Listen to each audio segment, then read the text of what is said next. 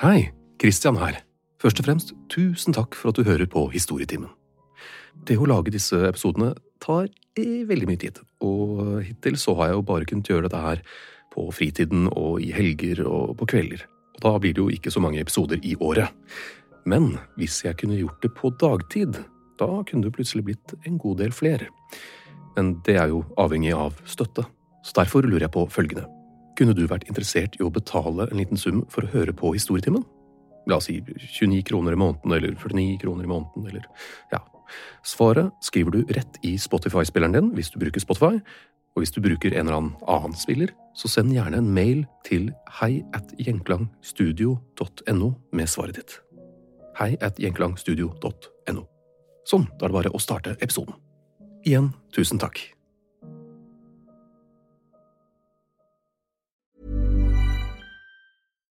Here's a cool fact a crocodile can't stick out its tongue. Another cool fact you can get short term health insurance for a month or just under a year in some states. United Healthcare short term insurance plans are designed for people who are between jobs, coming off their parents' plan, or turning a side hustle into a full time gig.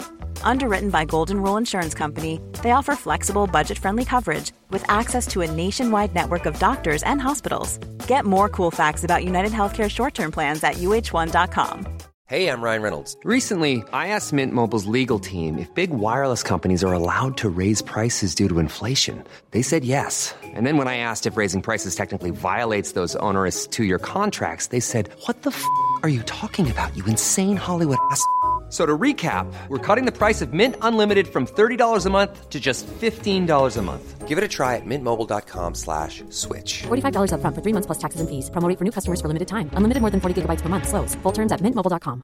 When you're ready to pop the question, the last thing you want to do is second guess the ring. At Bluenile.com, you can design a one of a kind ring with the ease and convenience of shopping online. Choose your diamond and setting. When you find the one, you'll get it delivered right to your door. Go to Bluenile.com and use promo code LISTEN to get $50 off your purchase of $500 or more. That's code LISTEN at Bluenile.com for $50 off your purchase.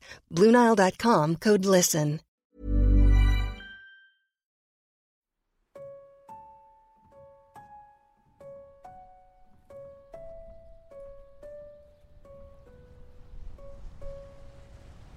Fjerde juli 1698 satte fem skip loss fra Leith i Skottland til øredøvende jubel.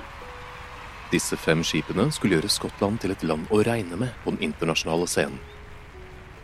1200 forventningsfulle kvinner, menn og barn så sitt gamle land forsvinne i horisonten, mens båtene deres skulle føre dem ut over Atlanterhavet. De hadde virkelig vunnet gullbilletten, trodde de.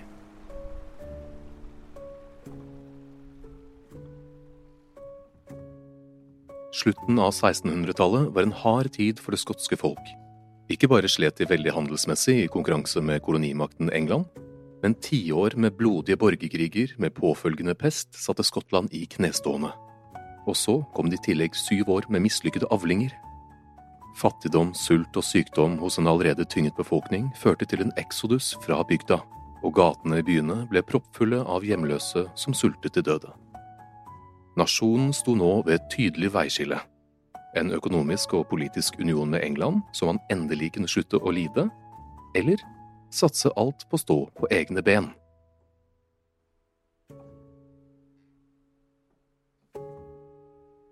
På dette tidspunktet i historien introduserer vi den skotskfødte finansmannen William Patterson. Han hadde laget et navn for seg selv i London, og var blant annet medgrunnlegger av The Bank of England. I London hadde han kommet i prat med en seiler som snakket om et land langt borte, på den andre siden av Atlanterhavet.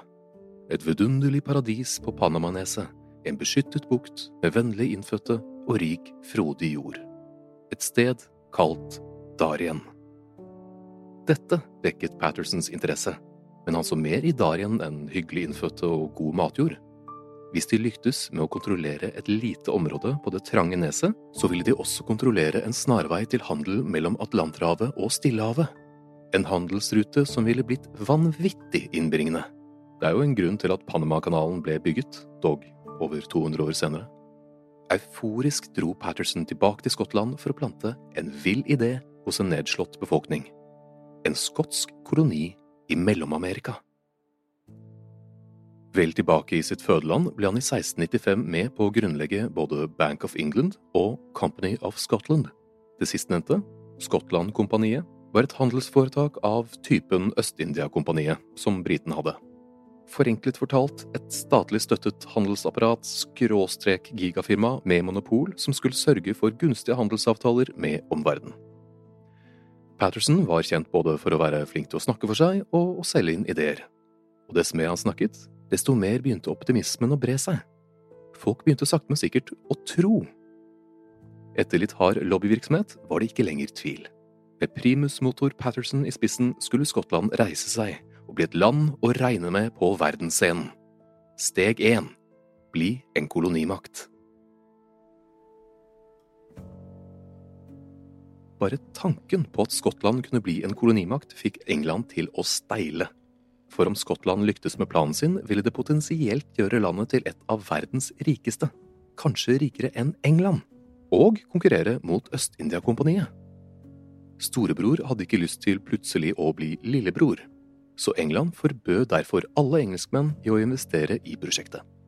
Og nederlendere, for England og store deler av Nederland og andre steder var på dette tidspunktet regjert av samme konge, William 3.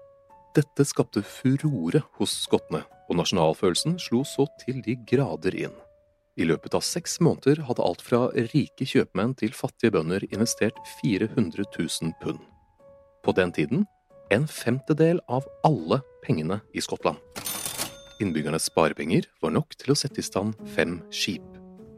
Første kolonist om bord var selvsagt Patterson, tett etterfulgt av kone og sønn.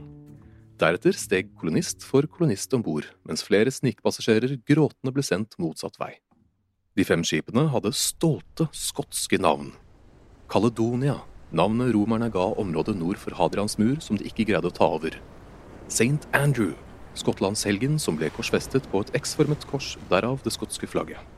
Endeavour, som betyr å bestrebe og forsøke, som jo var akkurat det de skulle med denne reisen.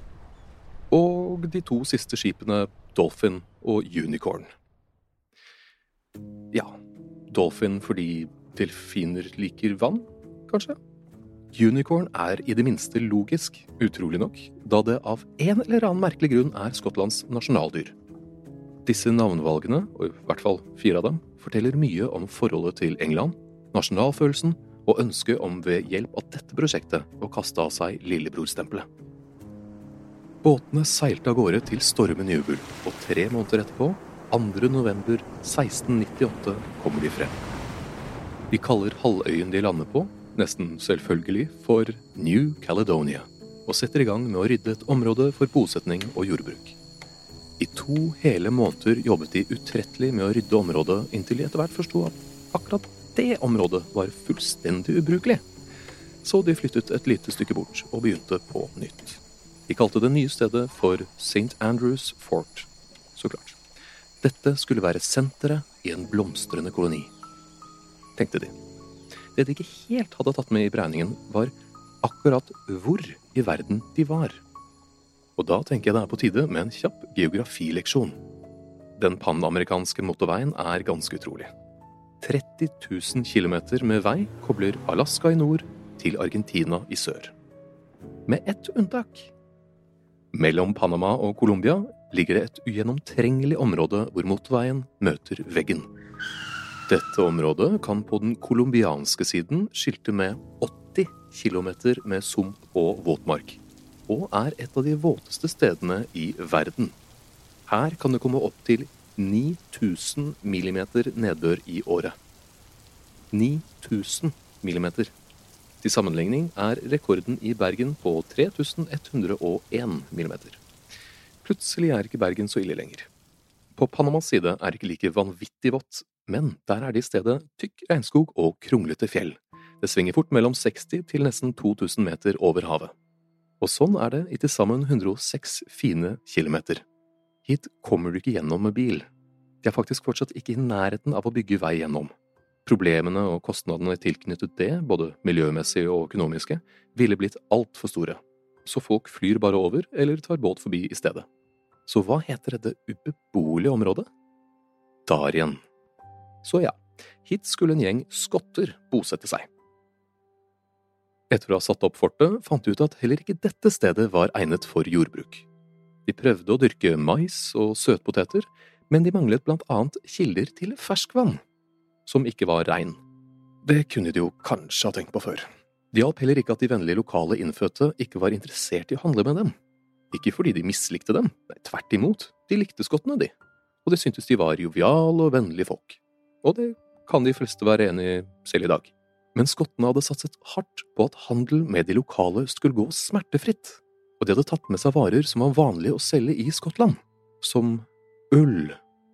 Mye ull. Samt kammer, speil og parykker. Utrolig nok så er ikke slikt høyt på prioriteringslista når man bor i en regnskog ved ekvator, så da hadde de plutselig ikke store greiene å bytte varer med, og sult begynte fort å bli et problem. I tillegg nektet den engelske kronen sine landsmenn både å handle med dem og kontakte dem. Skottene var persona non grata og var nå helt alene. Noen måneder senere, i mars 1699, hadde 200 kolonister dødd, og dødsraten var oppe i ti om dagen. Sult og sykdom var dagligdags. Et skip sendt fra Skottland, fullastet med proviant, tok fyr og sank før det kom frem. Skipene de selv sendte ut for å handle med kolonier, ble enten nektet innpass eller beslaglagt. Det var skjebnen til Dolphin. Men er det lova? Bare beslaglegge et skip og arrestere alle om bord? Hm, det er visst det hvis du har tatt et område som tilhører noen andre. Og da snakker jeg ikke om de stakkars innfødte som faktisk bodde der, men skottene hadde ikke tenkt på at noen andre kanskje hadde lagt krav på området før. For det hadde Spania. Spania hadde tidligere lagt krav på det området, sammen med ja, mesteparten av Sør-Amerika, selv om de ikke hadde noe reelt ønske om faktisk å bygge en koloni der, ei heller hadde gjort noe som helst med området uten å kødde med lokalbefolkningen, så skulle steike meg ikke noen skotter komme og ta over deres sted. Så om ikke ting var ille nok fra før av, så nektet de spanske områdene også å handle med dem. De truet faktisk med å bare brenne ned hele stedet. Desperate prøvde lederne i kolonien nå å løfte moralen, og delte ut det de hadde igjen – alkohol. Som om ikke ting var ille fra før av, ble nå fyll og slåssing også et problem, og fasit var enda flere døde. Så sult, sykdom, indre splid, rykter om et spansk angrep og hundrevis av døde. Nok var nok, tenkte kolonistene. De orket ikke engang å grave flere graver. William Patterson mistet både kona og barnet sitt, og selv om han var primusmotor for hele greia, kastet også han nå inn håndkleet. De som var igjen, steg om bord i båtene og reiste vekk. Alle utenom seks personer som ble igjen fordi de var for syke og utmattede til å gå om bord. Utrolig nok så blir ikke sykdom bedre til sjøs, og dødsfallene fortsatte om bord i båtene. Desperate seilte de nå til Jamaica, men her fikk de ikke lov til å gå i land. Det fikk de ikke noen andre steder heller, så de måtte fortsette den utholdelige reisen. Hvis man tenker på at 70 personer døde om bord på skipene på første reise over Atlanterhavet, på vei til Darien, så kan man bare forestille seg hvordan det gikk da de var utsultede og syke. Til slutt endte noen opp i New York, som da var en liten by. Og selv om det må ha vært flott å endelig kunne komme i land, så slapp ikke sykdommen som herjet kolonistene, og dødsfallene fortsatte. Av alle skipene var Caledonia det eneste som i det hele tatt kom tilbake til Skottland og her skulle man ønske at historien stoppet. Men nei da. Uvitende om skjebnen til den første ekspedisjonen sendte Skottland like greit ut en kolonigruppe til. 1302 optimistiske sjeler tok den lange, vonde turen over Atlanterhavet og kom frem til en nedgrodd landsby og en gigantisk gravplass. De hadde forventet å gli rett inn i et velfungerende system, men ble nå nødt til å bygge alt opp igjen. Det var de ikke bare ikke forberedt på, men heller ikke utstyrt til. Mange av de reisende var kjøpmenn, og båtene var sikkert lastet med ull. I tillegg var spanjolene nå drittlei og gikk til angrep. St. Andrew-fortet ble beleiret, og etter mye om og men overga skottene seg i mars år 1700. Et halvt år etter at de reiste fra Skottland. Av de rundt 2500 kolonistene tror man at bare 50 kom hjem til Skottland. Et Skottland som nå var konkurs. Både landet og befolkningen hadde satset alt på én hest, og tapt. Dette ga England en mulighet. De sa seg villige til å hjelpe Skottland med gjelden sin hvis Skottland ble med i en union. Altså så å si la seg bli styrt av England. Skottene skyldte, med rette, på England for at drømmen om Darien brast. Men syv år senere, i 1707, var unionen et faktum. Og skottene har vært forbanna siden.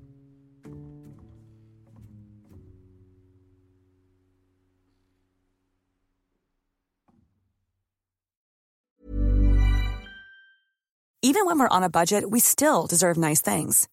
Quince is a place to scoop up stunning high-end goods for 50 to 80% less than similar brands. They have buttery soft cashmere sweaters starting at $50, luxurious Italian leather bags, and so much more. Plus, Quince only works with factories that use safe, ethical, and responsible manufacturing. Get the high-end goods you'll love without the high price tag with Quince. Go to quince.com slash style for free shipping and 365-day returns. Ever catch yourself eating the same flavorless dinner three days in a row? Dreaming of something better? Well, HelloFresh is your guilt-free dream come true, baby. It's me, Kiki Palmer. Let's wake up those taste buds with hot, juicy pecan-crusted chicken or garlic butter shrimp scampi. Mm. Hello Fresh. Stop dreaming of all the delicious possibilities and dig in at HelloFresh.com. Let's get this dinner party started.